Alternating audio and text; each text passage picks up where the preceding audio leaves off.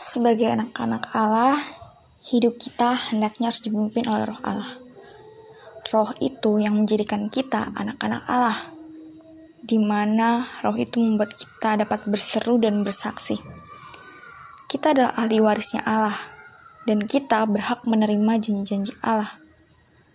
Anak-anak Allah adalah anak-anak yang mau menderita bersama-sama Tuhan, maka juga dipermuliakan bersama-sama dengan Dia. Anak-anak Tuhan mempunyai pengharapan, yaitu rindu menantikan pengangkatan. Ditentukan semula, itu juga dipanggilnya. Mereka yang dipanggil, itu juga dibenarkannya.